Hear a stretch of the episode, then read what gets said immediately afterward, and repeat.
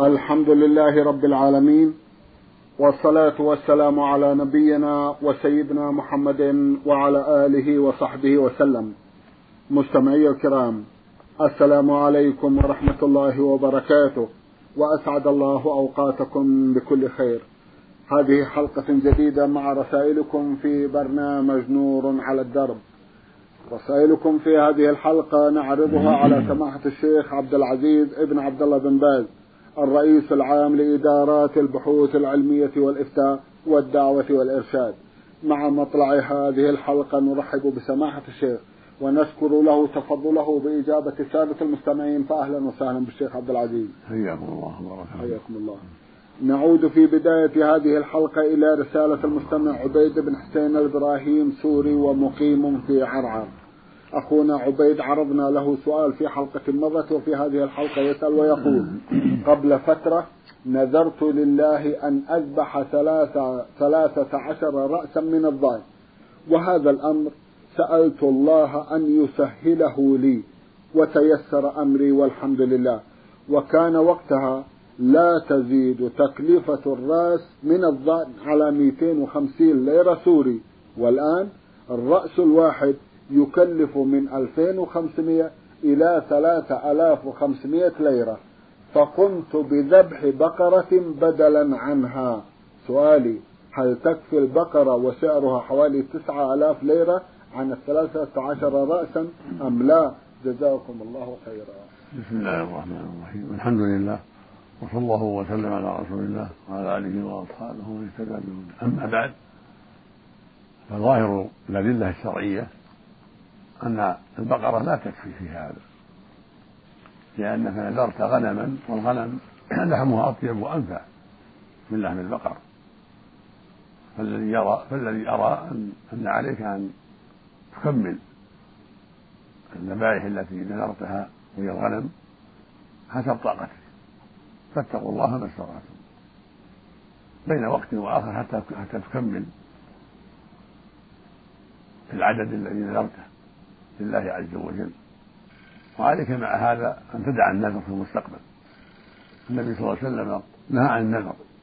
وقال إنه لا يأتي بالخير وإنما يستخرج به من البخيل. فالمشروع لك أن تترك النذر في المستقبل. أما هذا النذر فعليك أن توفي به. لقول النبي صلى الله عليه وسلم من نذر أن يطيع الله فليطعه ومن نذر أن يعصي الله فلا يعصي وهذا طاعة لله. تبع الغنم قربة إلى الله. طاعة لله. فعليك أن توفي بنذرك حسب الطاقة. كل ما استطعت ذبحت ما تيسر حتى تكمل. أما البقرة فالأقرب أنها لا تجزي لأن الغنم أطيب منها وأنفع للفقراء والمساكين. نعم. جزاكم الله خيرا. من الأخت المستمعة با ميم نون رسالة تقول فيها أنا سيدة توفي لي طفل بالبيت غرقا منذ سبع سنوات. والآن أريد بمشيئة الله تعالى أن أصوم شهرين متتاليين. ولكن قيل لي إنه بعد مرور هذه الفترة لا يصح لك صيام. هل صحيح لا يصح الصيام كما قيل؟ جزاكم الله خيرا. هذا فيه تفصيل. إن كان موته غرقا بأسبابك فعليك الصوم. إلا إذا وجدت رقبة عبد أو أمة واشتريتيها واعتقتيه فلا بأس. لأن قتل الخطأ يوجب الكفارة والكفارة عتق عبد أو أمة. يعني عبد مؤمن أو أمة مؤمنة. فإن تيسر ذلك هذا هو الواجب. فإن لم يتيسر ذلك فعليه صوم شهرين متتابعين ستين يوما. إذا كان موته غرقا بأسبابك أما إذا كان موته غرقا ليس بأسبابك وليس لك فيه وليس لك فيه أثر فليس عليك صوم ولا ولا عتق. فإذا كنت وضعتيه عند محل الغرق وهو صغير ما يحسن ولا يصرف نفسه فأنت متسببة أما إذا كان بعيد عن أسباب الغرق في البيت أو في أي محل بعيد ولكنه ذهب عند غفلته في بعض الحاجات وسقط في نهر أو في حوض ماء أو ما أشبه وهو بعيد عن ليس ليس لك فيه تشبه ولا تعد ولا تعتبرين في هذا مفرطة ولا متسببة فليس عليك شيء. وأنت أعلم بنفسك وأعلم بالواقع. فإن كنت تعلمين أو يغلب على ظنك أنك السبب فالصوم يكفي ولو بعد مدة سنين. فإن كنت يغلب على ظنك أنك لا سبب لك في ذلك وأن الأمر وقع فرة الحرص ليس لك ليس لك فيه تسبب ولا ولم تقربيه إلى محل الغرق فليس عليك شيء والحمد لله. نعم. جزاكم الله خيرا. تسأل عن تفسير قول الحق تبارك وتعالى وآتوهن أجورهن بالمعروف محصنات غير مسافحات ولا متخذات أخدان. فإذا أحصن فإن أتين بفاحشة فعليهن نصف ما على المحصنات من العذاب. ذلك لمن خشي العنة منكم وأن تصبروا خير لكم. والله غفور رحيم. هذا في حق. ذكره الله سبحانه في حق من لم يستطع قولا في نكاح الحرائر. فإنه لا حرج أن ينكح المؤمنات من الإماء. إذا كن محصنات غير مسامحات يعني معروفات بالعفاف وعدم الزنا. وأن يؤتهن أجورهن يعني مهور مهورهن. وهذا بحق من يخشى العنات يخشى على نفسه الفاحشة أما من لا يستطيع الصبر فليصبر حتى يجد الحرة. حتى يتزوج حرة حتى لا تسترق أولاده لأن الأولاد تبع الأمة تبع الأم. إذا كانت أنا صار أولاده مماليك. عليه الصبر حتى لا تسترق أولاده. حتى يأتي الله له بقدرة على الحرة. وأما إذا كان يخشى العنت فإنه يتزوج الأمة ولا حرج. وإذا تيسر له أن يشترط أن أولاده أحرار على السيد والتزم السيد بذلك حصل المقصود من حرية الأولاد والعفة والحمد لله. نعم. جزاكم الله خيرا. من المستمع عبد الله صالح من جدة رسالة ضمنها بعض الأسئلة يقول في أحدها لي قريب متزوج ومسافر. وله الآن سبع سنوات غائب سبع سنوات غائب عن زوجته وهي في انتظاره. ما حكم ما فعل وبماذا تنصحونه وأمثاله؟ جزاكم الله خيرا.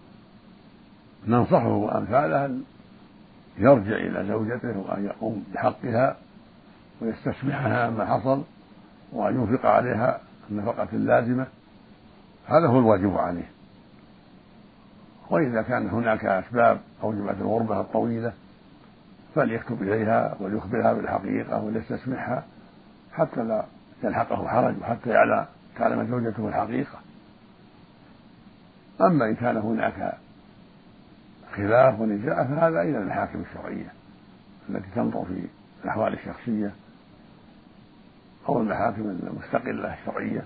المقصود من هذا يرجع المحكمة الشرعية فيما, يتعلق بفسخها من منه إذا تأخر عنها ولم تسمح بالبقاء في عصمته. أما هو فالواجب عليه أن يبلغ زوجته وأهلها حاله وأسباب تأخره وأن يرسل النفقة إذا كان يقدر عليها أو يستسمحهم عنها. يجب أن يكون هناك عناية بهذا الأمر ولا يسكت ويستمر في الغربة من دون إشعار لهم. وإذا كانت ترغب الطلاق ولا تصبر طلقها ولا بحجها إلى المحكمة. والله المستعان. نعم. الله المستعان. جزاكم الله خيرا. يقول في سؤال آخر أنا صاحب دكان وقد سبق لي أن أقرضت أحد الأشخاص مالا وكلما طلبت المبلغ يقول لا أملك شيئا فهل يجوز لي أن أقسم ما عليه من مال الزكاة؟ لا ليس لك أن تقسم عليه مال الزكاة لأن الزكاة دفع إيتاء للفقراء ولكن تمهله حتى يوفي الله عنه لأن الله يقول سبحانه وإن كان ذو عسرة فنظر إلى ميسرة فعليك أن تنذر أخاك. يقول النبي صلى الله عليه وسلم من أنظر مؤشرا أو وضع له أظله الله في ظله يوم لا ظل إلا ظله. فأنت بين أمرين إما أن تنذره وإما أن تبرئه من المال سامحه وأما أن تسقطه من الزكاة فلا. لكن إذا أعطيته من الزكاة بفقره وأعاد ذلك إليك عن الدين من دون شرط بينك وبينه ولا تواطؤ فلا حرج. لو أعطيته من الزكاة ولكن هو رد إليك ذلك المال من الدين أو بعضه من الدين من دون تواطؤ بينكم ولا حيلة ولا شرط ولا بأس بذلك. نعم. جزاكم الله خيرا. يقول هناك جماعة يستغلون في ورشة لإصلاح السيارات. وإذا حان موعد الصلاة ذهبوا إلى المسجد بملابس الشغل وتكون ملابسهم متسخة بطبيعة الحال بالزيوت والبوية والمعجون وما أشبه ذلك. فبماذا توجهونهم؟ جزاكم الله خيرا. الصلاة صحيحة ولا حرج عليهم. ولكن الأفضل أن يلبسوا أن يعدوا للصلاة لباسا حسنا. يقول الله سبحانه يا بني آدم خذوا زينتكم عند كل مسجد. ويقول النبي صلى الله عليه وسلم إن الله جميل يحب الجمال ولئلا يتقدر منه إخوانه ولئلا يؤذي من يجاوره بهذه الملابس. فالسنة لهم والذي ينصحهم به أن يلبسوا ملابس حسنة للصلاة يعدوها. فإذا جاء وقت الصلاة خلعوا هذه الملابس ولبسوا ملابس حسنة. هذا هو الذي أنصحهم به. نعم. جزاكم الله خيرا. من المستمع محمود الفكي النور من السودان رسالة ضمنها ثلاثة أسئلة يقول في أحدها هل يجوز للطلبة في المدرسة أن يقرأوا القرآن بدون طهارة أثناء الدراسة؟ وهل للمعلم أن يقرئهم وهو على تلك الحال أيضا؟ لا حرج في ذلك إذا كان من غير مصحف مثل يقرؤون عن ظهر قلب فلا حرج أن يقرأوا وهم على غير الطهارة والأستاذ كذلك. إذا كان يعلمهم عن ظهر قلب لا من المصحف فلا حرج أن يعلمهم على غير طهارة. إذا كان ليس جنوبا وليسوا جنوب هم أيضا. أما الجنوب لا ليس له أن يقرأ ولا أن يقرأ القرآن وهو جنوب. وهكذا الطالب ليس له أن يقرأ وهو جنوب مطلقا. أما إذا كان طهارة الصورة طهارة الصورة فليست بشرط. للقراءة. لا لا بأس أن يقرأ وهو على غير طهارة الطهارة الصورة ولا بأس أن يقرأ أيضا لكن من غير المصحف أما من المصحف فلا بد من الطهارة. لا يمس المصحف إلا وهو طاهر. الطهارتين الكبرى والصغرى جزاكم الله خيرا. ما صحة الحديث الذي معناه؟ إذا طلبت المرأة الطلاق من زوجها ولم يكن هناك ما يؤثر عليها في البيت فإن رائحة الجنة حرام عليها. ما موقف الرجل من تلك المرأة وما نصيح وما هي نصيحتكم للنساء؟ الحديث يقول فأي امرأة سألت الطلاق بغير ما بأس لم ترى رائحة الجنة. والمعنى التحذير من طلب الطلاق من دون علة. أما إذا كان هناك علة في كونه كثير المعاصي والشرور لأنه سكير لأنه يتهاون بالصلاة في الجماعة أو لا يصلي أو لأنه يظلمها ويؤذيها بالضرب بغير حق أو ما أشبه ذلك فهي معذورة تطلب الطلاق. وليس لها ليس لها البقاء مع من لا يصلي لأن من ترك الصلاة كفر. فعليها أن تمتنع منه وأن تطلب منه الطلاق. فإن أبى ترفع الأمر إلى المحكمة وليس لها البقاء مع من لا يصلي. أما إذا كان لا يصلي لكن عنده سوء خلق يظلمها ويؤذيها أو يشرب الخمر أو عنده شيء من المعاصي الأخرى الظاهرة فلها طلب الطلاق ولها طلب الفسخ. من معاشرته هذا الرجل الفاسق الذي ظلمها وآذاها أو تجاهر بالمعاصي التي حررها الله عليه. نعم. جزاكم الله خيرا. أخيرا يسأل ويقول توفي والدي في الأيام الأخيرة من رمضان وعليه أيام لم يصمها بسبب مرضه وشيخوخته. فهل يجوز لي صوم تلك الأيام بدلا عنه؟ إذا كان مات في مرضه فلا يجب عليك أن تصوم عنه ولا يشرع. فهو معذور. أما إذا كان طاب وشفي ولكن تساهل فإنك تصوم عنه. لقول النبي صلى الله عليه وسلم من مات وعليه صيام صام عنه وليه. هذا هو الأفضل أن تصوم عنه فإن لم تصم تطعم عنها كل يوم مسكينا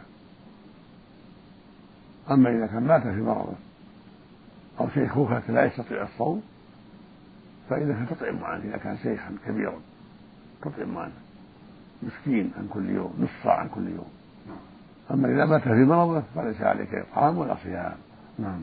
جزاكم الله خيرا. من المستمع سين ميم صاد من الأردن سؤال يقول فيه أنا في الصلاة أعيد الركن أكثر من مرة وذلك نتيجة للنسيان وعدم التركيز والوسوسة فبماذا تنصحونني؟ جزاكم الله خيرا. ننصحك بالحذر من هذا لأن هذا من طاعة الشيطان. فننصحك بالحذر من الوساوس وأن تتعوذ بالله من الشيطان عند وجودها. وألا تعيد الأركان. متى قرأت اجزم على أنك قرأت واترك العودة. ركعت كذلك سجدت كذلك هكذا لا تطوع الشيطان. بل استمر في صلاتك على أنك فعلت الركن حسب ما في علمك وفي اجتهادك. ولا تطوع الشيطان في الشك الذي يجعلك تعيد الركن ظنا منك أنك لم تفعل. هذا كله من طاعة الشيطان. ولكن استمر على العمل وأنت تجزم أنك فعلت وترغم الشيطان حتى تكمل. جزاكم الله خيرا. من المستمع علي سعيد الغامدي من الباحة قرية الأجادي الحوزة بعث برسالة وضمنها جمعا من الأسئلة يقول في أحدها إذا تذكر الإمام في أثناء الصلاة أنه محدث فماذا يفعل؟ يستنيب من يقوم من يكمل بهم قدم واحد من حوله الذي قد يكمل يكملهم الصلاة والحمد هذا هو الصواب. يستنيب من يكمل بهم الصلاة ممن حوله من الطيبين. مثل ما فعل عمر رضي الله عنه لما طعن قدم عبد الرحمن عوف وصلى بهم كمل بهم الصلاة. وإن استأنفوها من أولها قدموا غيره واستأنفوها من أولها فلا حرج. وإن انتظروه جلسوا ينتظرونه حتى يتوضأ ثم يعود ويصلي بهم من أول الصلاة فلا بأس. ولكن الأفضل أن يستنيب حتى لا يشق عليهم أن يستنيب من يكمل بهم والحمد لله. نعم. جزاكم الله خيرا. أما هو فيعيد الصلاة أما هو يعيد يعيد على كل يتوضأ ويعيد. جزاكم الله خيرا. إذا قدم المسلم يريد الدخول في الصلاة ولكنه وجد الصف مكتملا هل يسحب أحد المصلين ويصلي معه؟ أم أنه يصلي منفردا متابعا للإمام؟ المشروع له أن يلتمس فرجة لعله يجد فإن لم يجد وقف مع الإمام عن يمينه. فإن لم يتيسر ذلك انتظر ولا يسحب أحدا لأن سحبه ظلم متعد عليه وفتح فرجة في الصف ولكن ينتظر. فإن قضيت الصلاة ولم ولم يأتي أحد صلى وحده والحمد لله. معلوم. جزاكم الله خيرا. إذا صلى الركعة الأولى منفردا مع الإمام ثم دخل معه مصل آخر في الركعة الثانية وبعد الانتهاء من الفرض هل يسلم مع الإمام أم أنه يقوم فيأتي بالركعة الأخيرة؟ إذا صلى ركعة واحدة بطلت صلاته. فعليه يستأنف مع مع الجديد مع الشخص اللي جاء يستأنف معه من أول الصلاة. فإن استمر ولم يستأنف يعيدها لأن صلاته باطلة. لأن صلى ركعة واحدة خلف الصف. والنبي عليه الصلاة والسلام يقول لا صلاة لا صلاة لمنفرد خلف الصف. هكذا صح عنه صلى الله عليه وسلم. وصح عنه أنه أمر من صلى وحده خلف الصف أن يعيد الصلاة. لكن لو دخل لو صلى لو ركع وحده ثم دخل في الصف أو وقف معه آخر قبل السجود صحت وأجزأت والحمد لله. كما فعل أبو بكر رضي الله عنه. نعم. جزاكم الله خيرا. من المستمعة ميم عين زاي رسالة وفيها سؤال طويل تقول عن نفسها عن امرأة اغتبت كثيرا جدا ولم يسلم أحد من لساني حتى المارة في الطريق أغتابهم. سواء عرفت أحدا منهم أم لم أعرفهم. اغتبت إخواني وأخواتي ووالدي وزوجي وجيراني وأقاربي فردا فردا. وإذا ذهبت إلى حفلة لم أترك أحدا إلا وأتيت بذكره بعيب فيه على مدار عشر سنين أو أكثر. وقد ندمت أشد الندم وتحسرت على ما كنت عليه من الغفلة. وتبت إلى الله سبحانه وتعالى وعسى الله أن يقبل. ولكني علمت أن التوبة من الغيبة يلزمها شرط هو أن أتحلل من اغتبت. كيف أتحلل من أبي وأمي وإخواني مما قد يورث الكره؟ وكيف أتحلل ممن لا أعرفه؟ وهذا صعب وساق وقد لا أجد سبيلا للتعرف عليهم. وهل من مخرج؟ وكيف يكون؟ هل تنصحونني بالاستغفار لهذا الجمع الهائل من الناس؟ أم ماذا أفعل؟ أفيدوني جزاكم الله خيرا. وهل يكفي أن أقول اللهم اغفر لكل من اغتبت دبر كل صلاة وجزاكم الله خيرا؟ التوبة والحمد لله كافية.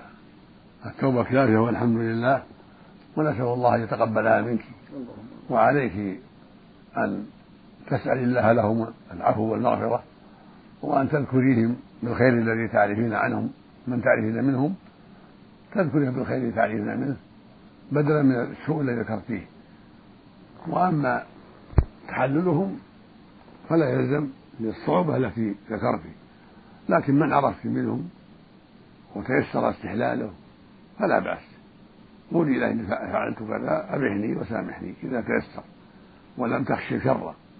أما إذا كان تخشى شرا أن يترتب على طلبه تحلل فتنة وعداوة وشحناء يكفي التوبة والحمد لله.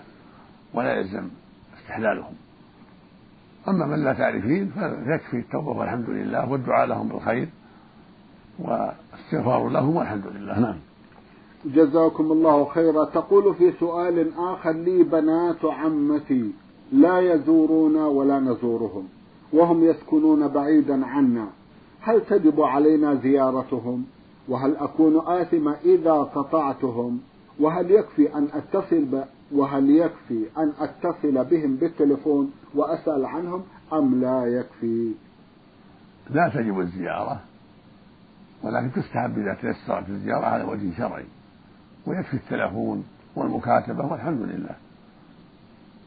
المحرم القطيعة فإذا حصلت الصلة بالمكاتبة أو بالهاتف أو بإرسال السلام مع الأصحاب والإخوان والأخيار كل هذا يكفي والحمد لله.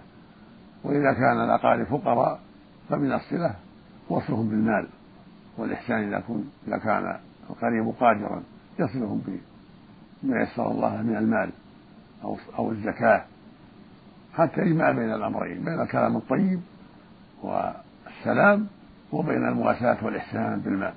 نعم. جزاكم الله خيرا. هل يجوز أن أقابل خال أمي وعمها أم أنهم غير محارم خال أمك وعم أمك محرمان عمك عم أمك عم لك وخالها خال لك وهكذا عم أبيك وخال أبيك. كلاهما محارم لك. وإن على جد حتى جد أبيك حتى جد أمك وجدة أمك. فالمقصود أن خال الإنسان يكون خالا لذريته.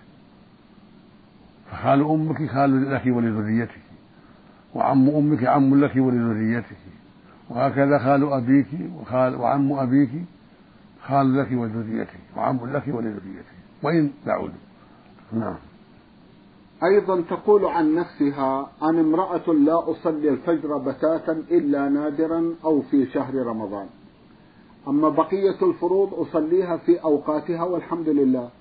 والآن ما أذكره خمس سنوات لم أصلي فيها الفجر بسبب النوم وإذا قمت لا أقضيها. ماذا أفعل؟